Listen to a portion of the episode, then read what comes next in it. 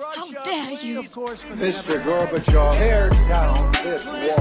I did not have sexual relations with that woman. Read my lips. Hell yes, we're gonna take your AR-15. It's waiting I have a dream. Thank you. Ja, Harald. Tredje episode på Borgerbunn gods. Ja, det, ikke verst. nei, det begynner jo um, Alle gode ting er tre, heter det ikke det? Så. Og vi er jo fortsatt eh, friske, og vi banker i bordet. Ja. Eh, har til og med fått gjennomført en god treningsøkt. Jeg har vært ute og henta meg kaffe. Så det er ikke lenge før du begynner å drikke kaffe, du òg. Nei, eh, i disse krisetider så kan det jo hende at til og med jeg må, må krype til korset og begynne å drikke kaffe. Ja, Det skulle tatt seg ut, men Nei, vi, vi får se. Det er, lytterne får følge med. Kanskje sånn på episode 25 eller 50 så er Harald sitter jeg med ringer un under øya og ti Ja, kopper kaffe i kroppen.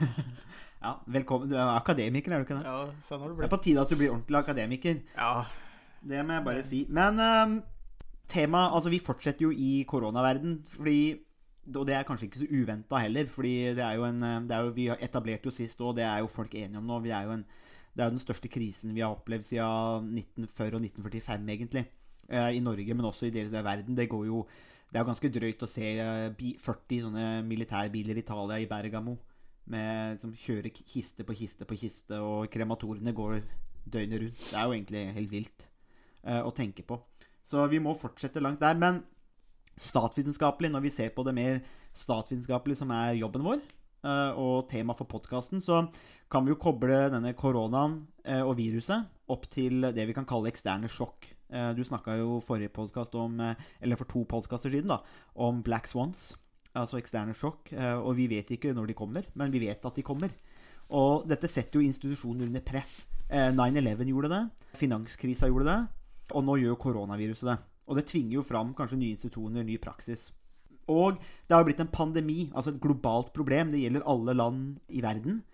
Og det er jo det vi kan kalle et kollektivt problem. Det gjelder ikke bare Kina, det gjelder alle andre. Så det er et kollektivt problem. Og da er vi inne i kjernen i statsvitenskap.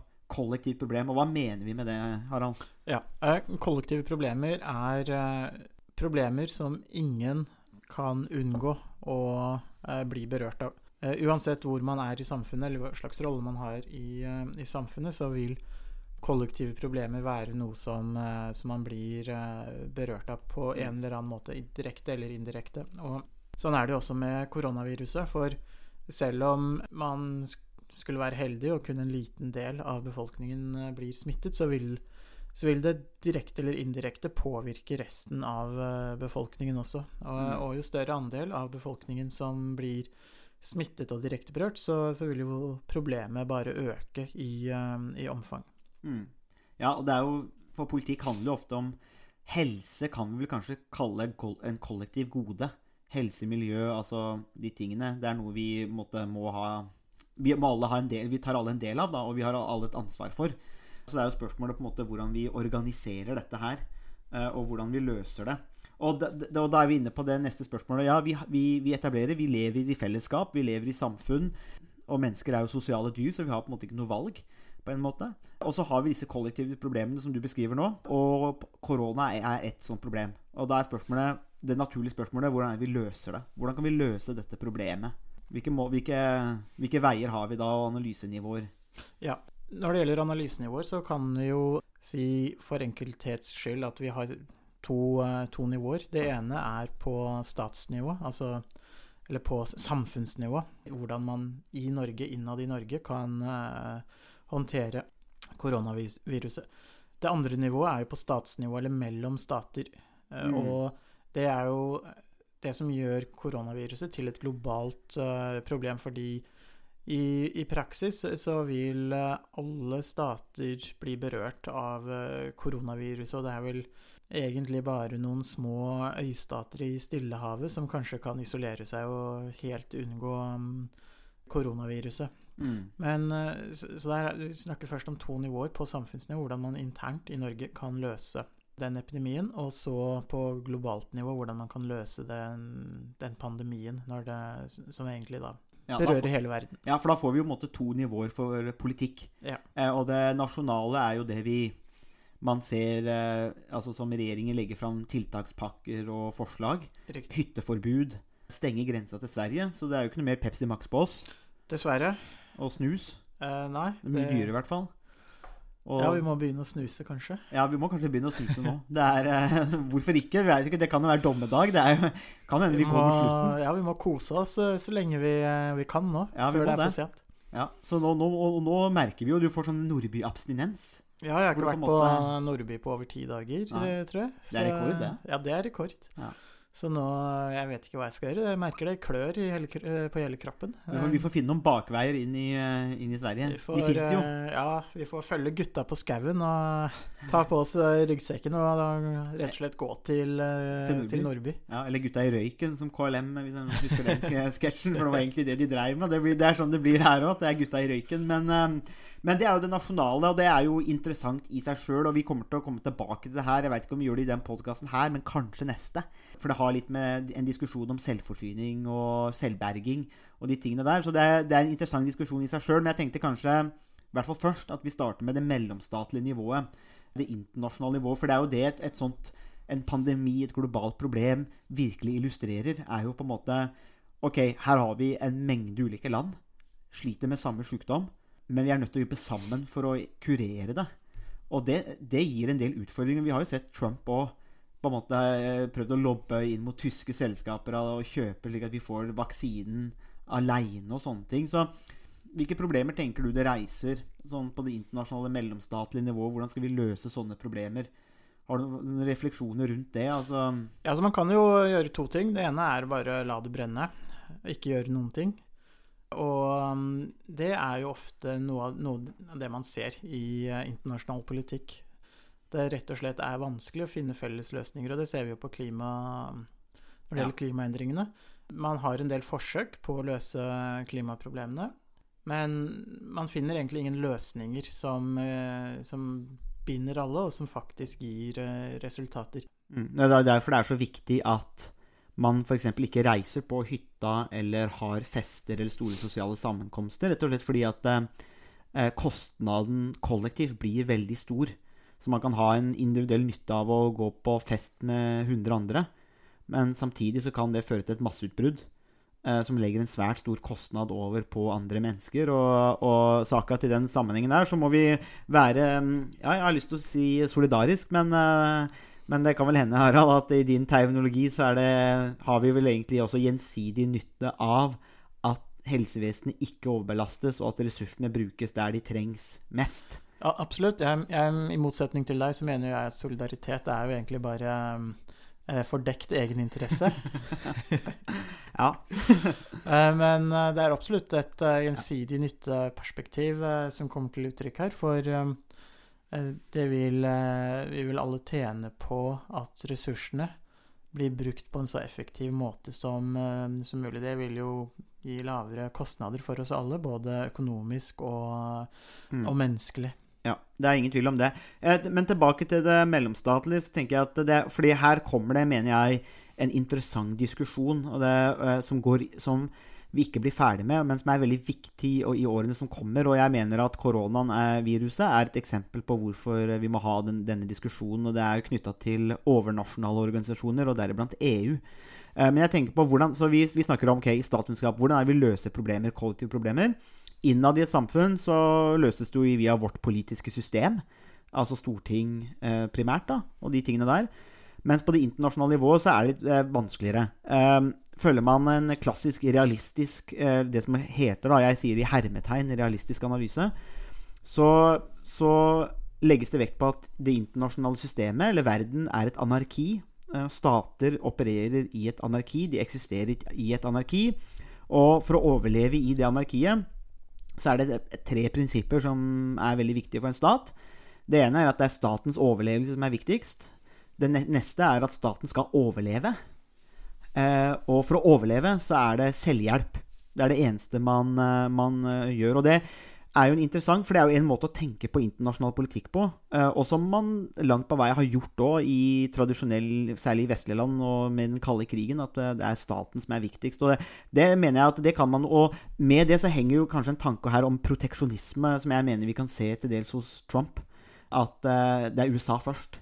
Og at det eneste som kan hjelpe USA, er USA.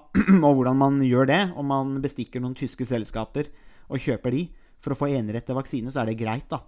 Eh, og det er, mener jeg er jo litt sånn Ja, det er en vanlig måte å kanskje se internasjonal politikk på.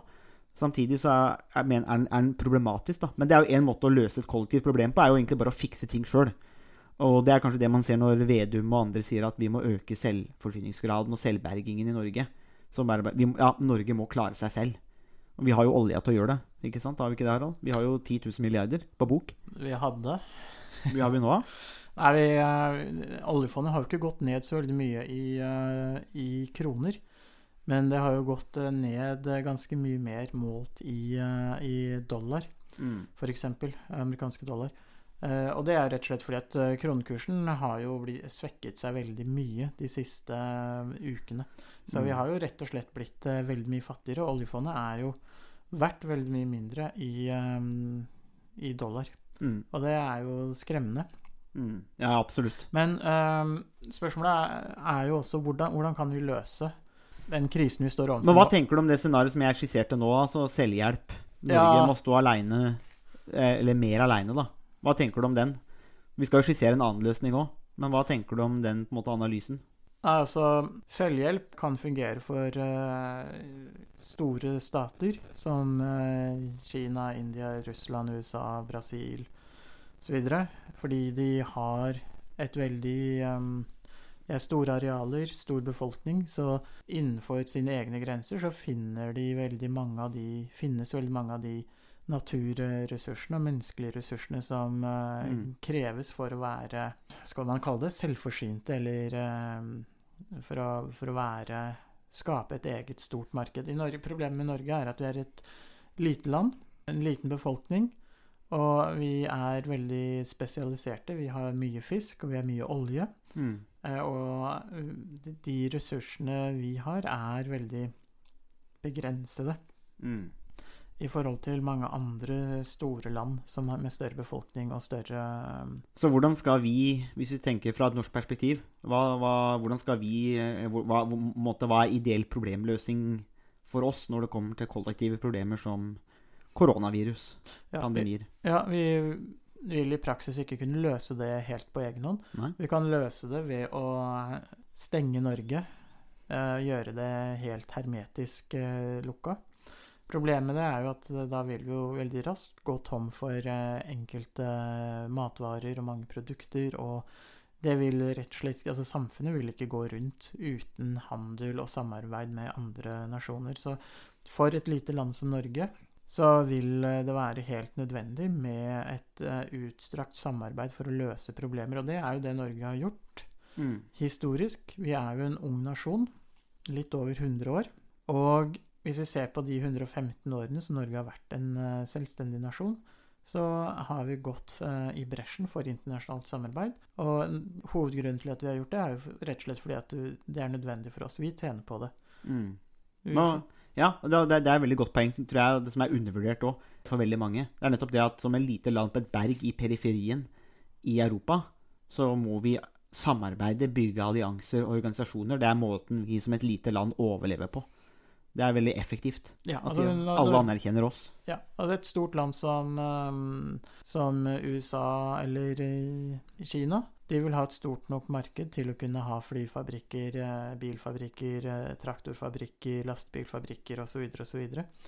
Men i, eh, i Norge så, så vil det ikke lønne seg å Mm.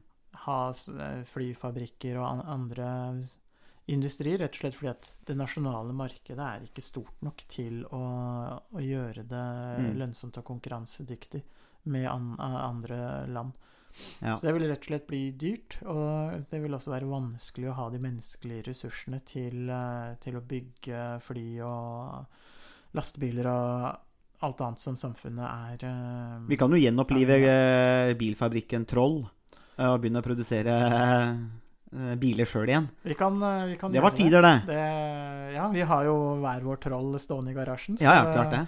Og etterpå nå så skal vi kjøre tur med trollbilene våre. Ja, Da er det ut på jordene her på Da blir det jordebil. Da er det jordebil. Det er, det, det er rett, rett og slett det det er. Vi, har litt, vi må jo ha den adspredelsen som er mulig i disse dager. Men, men løsning av kollektive problemer er viktig. Statsvitenskapelig problem. Hvordan er det vi løser det? Vi har vært innom allmenningens tragedie og gratispassasjerproblemet. Så kan man, er man stor og sterk nok, så kan man se for seg en mulighet hvor man kan prøve å løse dette aleine. Man har store markeder, mye folk, mye ressurser. Men for en del land, deriblant Norge, så er det ikke mulig, har jeg lyst til å si. Det er noen som vil eh, argumentere mot, men jeg skal være så dogmatisk og si at eh, det er bare fantasi. Og det som jeg tenker kan være løsningen, og det er det, er det jeg tenker vi må bruke resten av podkasten til å diskutere, for da kommer vi tilbake til et eh, problem, eller en sak, ikke et problem, men en sak som kommer tilbake i Norge stadig vekk, og det er EU. EU er kanskje den viktige her, og nøkkelen i dette her, tenker jeg. Og hvordan er det vi løser det? Vel, vi kan begynne å drodle litt rundt det, hvordan EU kan kanskje fungere. Jeg har lyst til å slenge fram det at eh, Norge som du har etablert, lite land. Eh, Vi er ganske spesialiserte vi er på hva vi produserer, og hva vi kan eh, eksportere. Og vi har jo ikke noen fabrikker til å lage medisin og på den måten av de, greier, av de tingene der, og matvarer. Men vi er jo medlem av en organisasjon, eller tilknytta via EØS og, og EU, og et marked. Og man kan jo se for seg at istedenfor å fokusere på at staten i seg selv skal overleve, og det er bare selvhjelp og enkeltstater, så kan man kanskje prøve å utvide internasjonalt samarbeid, og at det er EU. Og at innad i EU så er vi selvforsynte eh, med medisiner, varer. At det er et marked, et stort nok marked. Infrastrukturen er på plass. Vi har felles retningslinjer for arbeid, utdanning osv. Hva tenker du om den muligheten til å løse et kollektivt problem på? Altså rett og slett at vi må begynne å tenke nytt og tenke at nei, faktisk, det er faktisk store organisasjoner som EU som kanskje kan gjøre oss bedre rusta til å stå imot eh, pandemier som kommer i framtida òg. For det, det vet vi, det kommer. Hvor ofte er vanskelig å si, men vi vil jo få flere pandemier. Det er jo gitt. Ja, og ikke bare pandemier, men også andre um, eksterne sjokk som vi har vært inne på. Ja. Alt fra krig, terror uh, Altså med globale klimaendringer. Så, altså, det fins en rekke trusler, og det er klart Man vil jo ikke bli truffet av alle truslene samtidig, forhåpentligvis. Men spør spørsmålet ditt om man er om EU er en, eh, en mulig løsning og, og det er jo det det har vært. Altså det, og det er jo noe av motivasjonen for å etablere EU i utgangspunktet. Fordi EU består jo i prinsippet av en rekke små, men også mellomstore land. Eh, Tyskland er jo det største medlemslandet med eh, den største befolkningen, over 80 millioner. Og selv Tyskland, som er det største, største medlemslandet, er jo ikke stort nok i seg selv til å løse alle samfunnsoppgaver, eller til å være komplett eh, selvforsynt. Mm. Og um, det, det som EU har vært et forsøk på, er jo nettopp hvordan man kan skape de store enhetene som kan produsere effektivt. Både, og det gjelder jo både alt fra mat til eh, felles um, flyproduksjon, Airbus f.eks. Ja, så tenker jeg det starter jo jeg, Det bare slo meg nå at det starter jo det, EU starta jo som en løsning på kanskje det mest alvorlige kollektive problemet, nemlig krig og fred. Så det er jo der det starta. Nettopp. Stål, stål- og kullunion, hvor man, hvordan man skulle Mm. effektivisere, fordele, altså hvordan man skulle Hvordan man kunne fordele eh, stål- og kullproduksjon i eh, Europa, som var de viktigste Mm. ingrediensene i industrialisering, men også i, eh, i krigføring. Mm. Så EU er jo et, et eksempel eh, og et forsøk på å, på å løse kollektive problemer ved å løfte det opp på et høyere nivå, ved å samarbeide på tvers av eh, statsgrensene. Og så er spørsmålet er det en eh, vellykka eller en mislykka løsning. Mm. Og det, der er jo eh, de ulike politiske partiene i Norge ganske uenige om, eh, om det har vært en god løsning eller en dårlig løsning, og om det er en god løsning for Norge. Mm. Uansett hvordan man snur og vender på det, så er vi jo i dag nesten EU-medlemmer. Ja, vi, er jo, vi har jo implementert flere direktiver stort sett enn alle andre EU-land. Ja, vi har vært eh, flinke, lydige eh, elever. Mm. eh, gjort som EU har eh, bestemt og fortalt oss. Og mm, det er jo i og for seg eh, kanskje også bare riktig. Så lenge man er eh, med i, eh, i en organisasjon, så skal man også være lojal. Mm. Og det er jo i praksis stort sett bare landbruk og fiskerinæringene som står utenfor EU-samarbeidet i dag. Mm. Og og jeg tenker kanskje så langt Altså, EU starta jo med en, en, et Altså, det løste det kollektive problemet med krig og fred. Og så har jo diskusjonene ellers blitt mye sånn landbruk, fiske, olje, energipolitikk, arbeidsinnvandring, fri flyt På en måte spørsmål om vanlig politikk. Men jeg tenker da kan det være nyttig å tenke tilbake til EU. Starten løse et av de største kollektive problemene vi har. Og det klarte det jo. Altså, det er jo altså, ingen er bedre til å drepe hverandre og lage faenskap enn europeerne. Men det, men det kom under kontroll, mye takket være EU. Slik at fredsprisen til EU er jo, mener jeg i hvert fall jeg, er, var vel fortjent. Og da er jo da spørsmålet Er det her Er det på tide å tenke litt større om EU? Altså, ja, det, er, det har vært en del av den vanlige politikken, men kanskje det er, ligger det en erkjennelse i det òg. Det er min påstand at vi har noen større problemer. Pandemier er en av de. Og for å løse og ta tak i de, så må vi faktisk ha noen store overnasjonale organisasjoner. Og det er det EU kan gjøre. Det kan, det kan gi svar på, eller er best i stand til, å adressere store kollektive problemer som pandemier, utfordringer som kommer med globale klimaendringer, og krig og fred. Hva tenker du om den påstanden? EU kan løse regionale problemer, men ikke globale problemer. Eh, EU eh, klarer eh, og har potensial til å løse de problemene som er spesifikke for Europa. Men eh, pandemier, som den vi står overfor nå, eh, vil ikke EU kunne løse på, på egen hånd. Men vil de kunne adressere det på en bedre måte? Det er, det er poenget mitt. Altså, ja, man, man løser det ikke, men kan man da stå bedre samla, sånn som i Europa? at jeg tenker på å dra på ressurser, for det koster fryktelig mye penger å lage vaksiner og medisiner. Kan man se for seg at hvis dette er en felles ting da, i EU, at alle de landene går sammen med midler, så kan man spre kostnadene for vaksinebygging, medisinbygging og forskning. Og på den måten adressere problemene på en bedre måte enn at eh, hvert land skal prøve å drive med det her sjøl. Eh, kanskje. Her blir det jo en avveining mellom sentralisering og delegering også. Mm.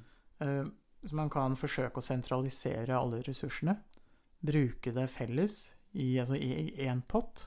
Eller så kan man også delegere en del av eh, ressursene. Spre ressursene på lavere nivå. Forsøke å løse problemene på, på lavere nivå. Og det er jo to tilnærminger som eh, er litt ulike. Mm. og som vil gi litt ulike resultater. Hva som er mest effektivt, det er jo et uh, spørsmål som man kan, eh, kan diskutere.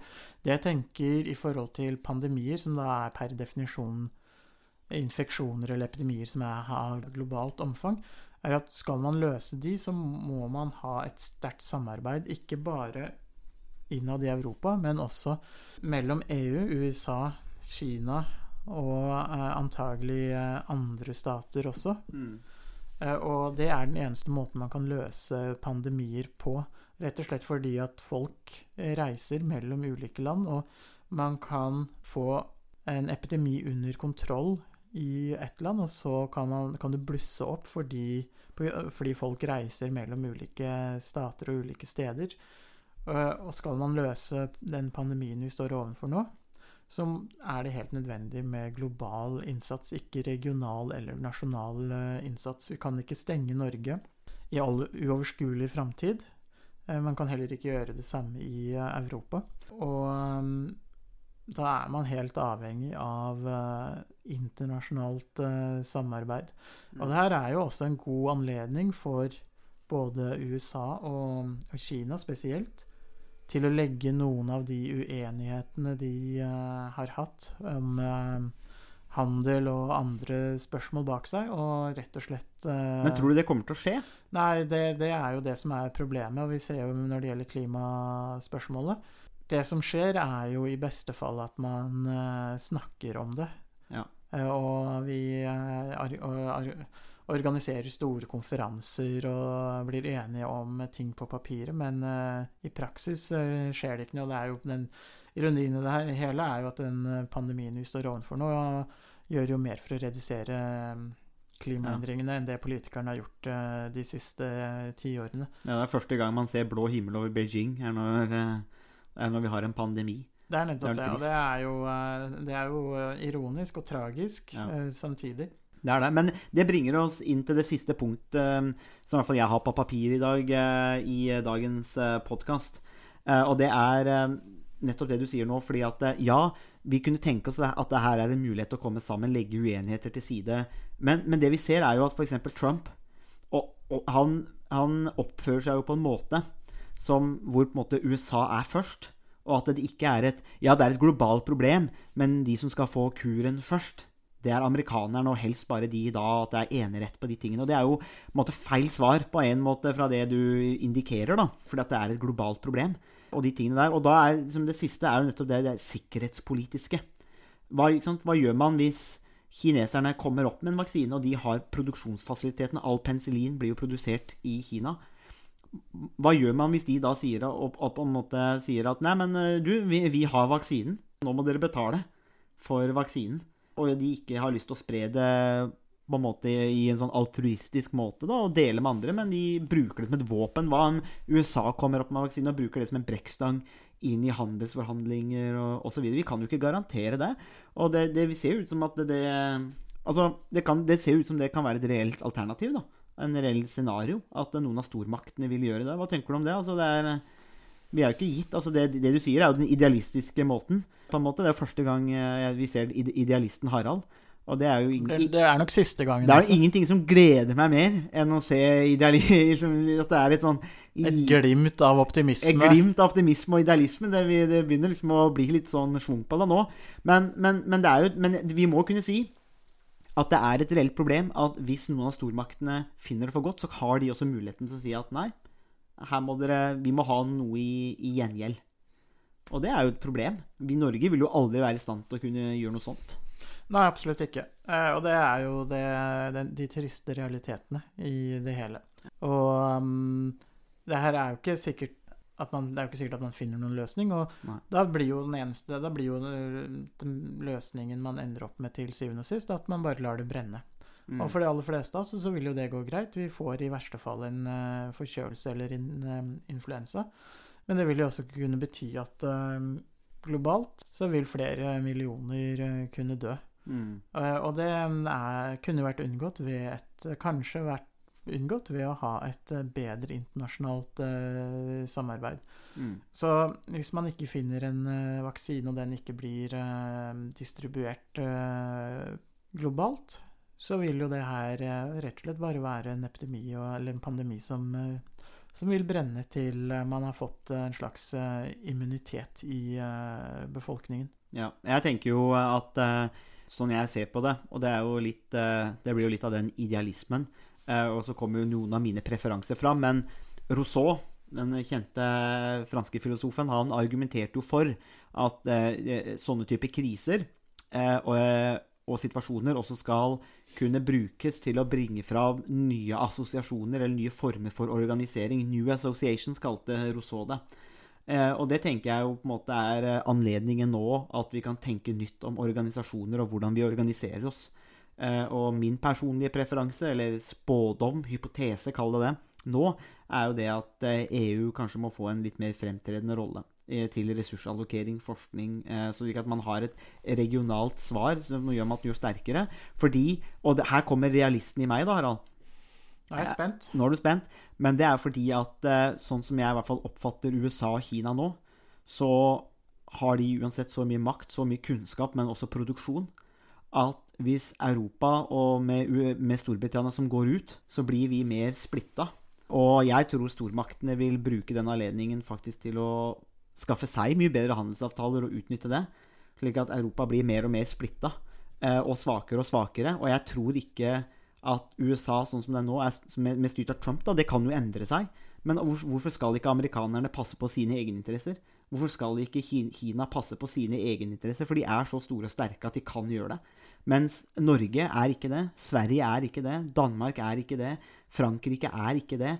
De, er, de gamle kolonimaktene er ikke så sterke som de var, selv om Storbritannia tviholder på et sånt eh, merkelig illusjon om at de fortsatt er et imperie, så er de fryktelig svake. Slik at jeg lurer på det om i et stormaktsspill, hvis jeg skal være leike politisk realist, så tror jeg at det er ingen andre som kommer til å passe på hverandre enn europeerne. Men Europa er i en situasjon hvor vi kan passe på oss sjøl, da. Eh, sammen. Så jeg kunne kanskje tenke meg at eh, ja, vi løser ikke et globalt problem med bare regionale løsninger, men jeg tror at man i en bedre regional organisering i Europa kanskje kan være bedre rusta sammen i Europa, da, om ikke annet. Det er, det er min realistis realistiske analyse og eh, preferanse. Ja, jeg, jeg, er, eh, jeg er helt enig. Jeg, jeg kunne ikke sagt det bedre selv. Jeg, er, nesten, jeg er nesten stolt av deg. Jeg syns du lærer fort. Det- det, det, det går fort. Ja, det, du for lytterne så må du se for at eh, Harald så veldig skeptisk ut når jeg sa det, og satt veldig gravalvorlig i sofaen. Så, eh, men det er tydeligvis at da, da er det bra. Så det Jeg, jeg lytta med sterk interesse, som det heter. Ja, så det Nei, jeg syns Du har vært, eh, snart vært ved Høgskolen Østfold i to år, så jeg syns du Da er du på vei opp. Nå er jeg på vei opp. Det er endelig. Men, eh, men jeg, Det det, ser lovende ut, det her. Ja, og jeg tenker eh, takk for det, Harald. Det, det varmer. Det varmer. Da, da, kan, da får jeg audiens på Borgerbund gods igjen. Det, det spørs nok, det. Det spørs nok, det. Det- Nei, men det, jeg tenker det var en eh, Nå har vi snakka litt om det internasjonale nivået på den podkasten, og det tenker jeg uansett er en interessant analyse. Det er jo ting vi må komme tilbake til. Og, og har du som lytter eh, kommentarer eh, eller spørsmål til det vi snakker om nå, kanskje dere er mot EU, så skriv gjerne på Eller for Facebook-sida. EU, for den saks Eller for. EU. Så skriv gjerne på, på Facebook-sida og kommenter eh, for den koronasituasjonen vi er i nå. Det er en situasjon vi ikke har vært i før, slik at eh, det er mye ting vi må diskutere. Eh, og det er mange ting ikke vi kanskje tenker på, så hvis det er noen av lytterne har kommentarer, så tar vi imot det, gjør vi ikke det? Absolutt. Det her er jo learning by doing. Og um, vi Vår jobb er jo delvis å stille spørsmål, ikke nødvendigvis komme med, med svar. Eh, Mm. og det fins dessverre flere spørsmål enn svar i den situasjonen vi eh, er inne i nå, spesielt. Ja, men da høres vi i neste episode, gjør vi ikke det? Jo, det gjør vi. Vi håper det. Vi er vel ikke Vi får satse på at vi er i operative en liten stund til. Vi har i hvert fall toalettpapir en stund til. Det har vi. Det er, bo- det er hamstra opp. Det var det vi hadde å by på i denne ukas episode av Statsvitenskap og sånt. Musikken er komponert av Robin Horvath, og Thomas Mokulato står for miksing og redigering. Du finner oss på Facebook, bare søk på statsvitenskap og sånt. Der kan dere komme i kontakt med oss hvis dere har spørsmål eller kommentarer. Der finner dere også aktuelle artikler, videoer med mer. Vi setter pris på om dere liker sida, og deler den med andre som dere tenker vil ha glede av å høre på podkasten. Vi høres! And change is coming whether you like it or not.